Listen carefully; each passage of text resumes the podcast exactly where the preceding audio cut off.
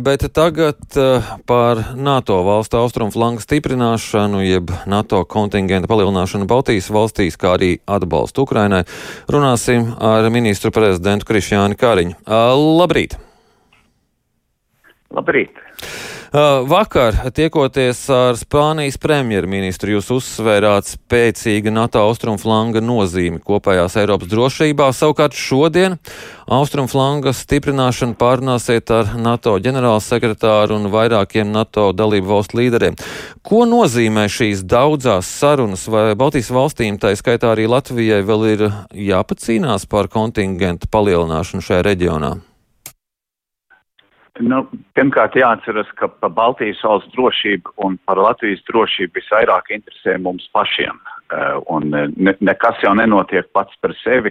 Viss, kas līdz šim ir noticis, tas ir uh, daudz cilvēku ilgu laiku darba rezultāts, tā skaitā, ko es esmu darījis. Un tagad, nu, ejot uz šo NATO samitu, vakardien ar Sančešu, šodien vēl tur būs Nīderlandes, Dānijas, kā tur vēl bija Rumānijas, Beļģijas Uh, uh, Polijas un Portugāles premjeru vēl ar Stoltenbergu, kur mēs turpināsim par to pašu tēmu runāt, uh, kā stiprināt austrumu flangu. Un man ir svarīgi, ka kolēģiem ir līdzīga izpratne kā mums, un to var panākt vienīgi sarunu gaitā, skaidrojot, vēlreiz atkārtojot, atgādinot un tā tālāk. Tātad darbs notiek, tas nenozīmē, ka nav nekāda, kā varētu teikt, ko tāds satraukums, bet bez šāda darba eh, arī eh, panākums nekādīgi nevarētu būt. Eh, bet ko Latvija un pārējās Baltijas valstis sagaida, kādu atbalstu un kas būtu tas sarunu panākums? Eh, sarunu panākums faktiski mums jau top, eh, kas ir tas ļoti pozitīvais. Tātad, protams, tas panākums vai tas mērķis, kas mums ir, kad uh, mūsu reģions Baltijas valstī, skaitā Latvija, tiek uh, būtiski stiprināt uh, NATO spēku klātbūtni, tai skaitā ar papildus spējām, un ka tas ir, varētu teikt, NATO plānos, ka tas nav tikai rezultāts mūsu labām divpusējām attiecībām, bet tas ir viss NATO alianses. Eh, mērķis un, un eh, tāds nodoms. Un mums tas eh, labi līdz šim ir izdevies, jo gan tie, kuri Latvijā jau ir bijuši gadus piecas, ir pastiprinājuši savu klātbūtni, gan Dānija ir jau atsūtījusi astoņu bataljonu vēl papildus. Un nesen Spānija pieņēma lēmumu papildināt mūsu spējas ar gaisa aizsardzību. Un šis viss ir faktiski tas, ko mēs sagaidām, eh, varētu teikt, un tagad pēc Jāņiem eh, Madrides NATO samitā faktiski mums liela daļa tie panākumi jau ir gūti, bet eh, mēs tāpat tās negurstoši turpinam atgādināt, ka, ka kāpēc tas viss tiek darīts, kāpēc tas ir svarīgi un kāpēc mums kā NATO ir jāapņemās arī ilgtermiņā uzturēt savu, savu spēku. Tā skaitā, protams, Latvija arī mēs turpināsim ieguldīt savā aizsardzībā, tas ir tas eh, pamats, pamats pēc tā jau citi mums nepalīdz, un to mēs arī daram un darīsim. Šīs jūsu uzskaitītās, šīs papildus spējas, par ko ir panākts šobrīd tā vienošanās, tas, tas ir tas, kas būs, ja ir vēl kaut kas, ko, ar ko jūs cerat, kas vēl stiprinātu mūsu drošību? Mums, eh, kā varētu teikt, visas eh, papildus spējas nāk pa labi. Mēs jau paši esam ceļā arī uh, iegādāties papildus jaunus, uh, teiksim, bruņošanās veidus arī kopā mūsu kaimiņiem, lietuviešiem un igauniem. Un tas viss ir process. Viņš nav tā, ka ir, nu, kā varētu teikt, melns uz balta, šis, šis ir vajadzīgs un tad viss pietiek. Tas ir tāds vesels process arī apziņas apgūšana kāpēc eh, mūsu reģions ir jāstiprina, jo tas, protams, stiprina arī viņus pašus, jo no, no kā mums ir jāizvairās, ir, ka Krievijas agresija, kur šobrīd brutālā veidā notiek karš Ukrainā, ka kaut kas tāds eh, NATO teritorijā nevarētu notikt, jo mēs esam tam pilnībā gatavi.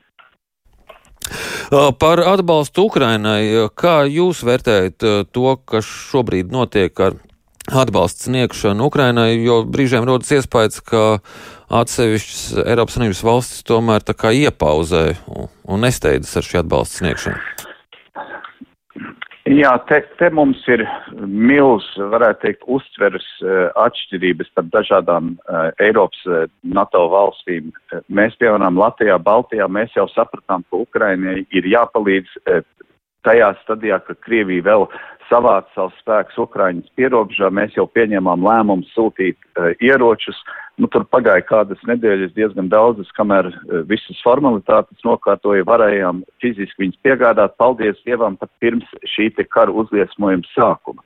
Uh, citas valstis, piemēram Vācija, līdz šīm te kara, nu, teiksim, uzliesmojumam 27. februārī, uh, Vācija faktiski bija pilnīgi pacifiska valsts. Viņi, viņi nevēlējās ne dot ieročus, ne ļaut citiem dot ieročus, nevēlējās pati bruņoties. Ehm, tas ir otrā pasaules kara, varētu teikt, vēl mantojums viņiem bijis.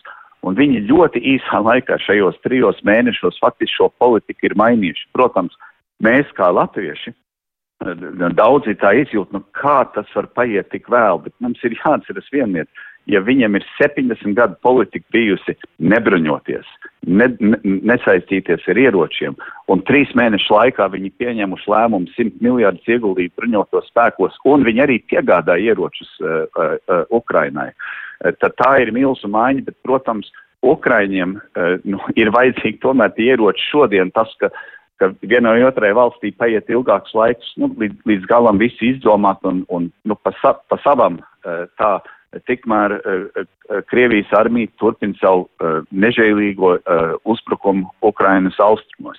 Un tad te nu mums ir, ka dažas valstis, Baltijas valsts, Polija, Lielbritānija, Amerikas Savienotās valsts, mēs visi esam ilgstoši devuši ieročus bez vārda runas. Mēs esam devuši, ziedojuši trešdaļu no mūsu aizsardzības budžeta. Ja citas valstis kaut vai 3% ziedot, nu, tām, kam ir lieli budžeti un lielas armijas, tur jau būtu tā atšķirība. Tātad mēs turpinam mudināt mūsu uh, sabiedrotos, uh, nu, kā varētu teikt, nebaidīties un, un palīdzēt Ukrainai, jo lēnām tā apziņa mums jau viņa sen ir, uh, citur viņa ir arī uh, nobriedusi, ka tas karš Ukrainā ka tas ir mūsu visu karš, tas jau nav tikai uh, Ukrainas karš. Un tur mums tā, tā nu mēs esam, arī ar sankcijām gājis lēnāk nekā uh, es būtu gribējis, bet tomēr uh, pamatīgi un, un soli pa solim. Tikai Ukrainai nav tā laika gaidīt tos solis pa solus, nu, nu, soli pa soli, bet nu, vi, viss notiek, gribētos kā ātrāk, bet tomēr notiek. Jā, un vēl sarunas nobeigumā īsumā, kādas ir jūsu sajūtas, prognozes uh, Ukrainu uzaicinās par Eiropas Savienības kandidātu valsti? Eh, šī tēma, kas arī tiek runāta, protams, katrā tikšanās. Man šobrīd tā ir eh, drīzāk tāda politikas uh, izjūta, uh, ka uh, mainās uh, arī domas un uztvere, ja pirms diviem mēnešiem, pat pirms viena mēneša, uh, tas nekādīgi nebūtu bijis iespējams uh, pavērt šo ceļu uh, vairāk valsts uh, iebildumu dēļ, ka šķiet, ka tie iebildumi sāk uh, nu, uh, samazināties, un mums ir vēl uh, vēl, vēl nu, pāris nedēļas līdz uh, Eirosamitam, kas būs Briselē tieši kā reiz tieši līgo uh, svētkos. Un uh, cerams, ka līdz tam laikam uh, tie vēl, kas nav līdz galam nobrieduši, kad, kad mēs palīdzēsim viņus briedināt. Jā, liels paldies jums par šo sarunu. Atgādinu, ka mēs sazinājāmies ar ministru prezidentu Krišjānu Kariņu.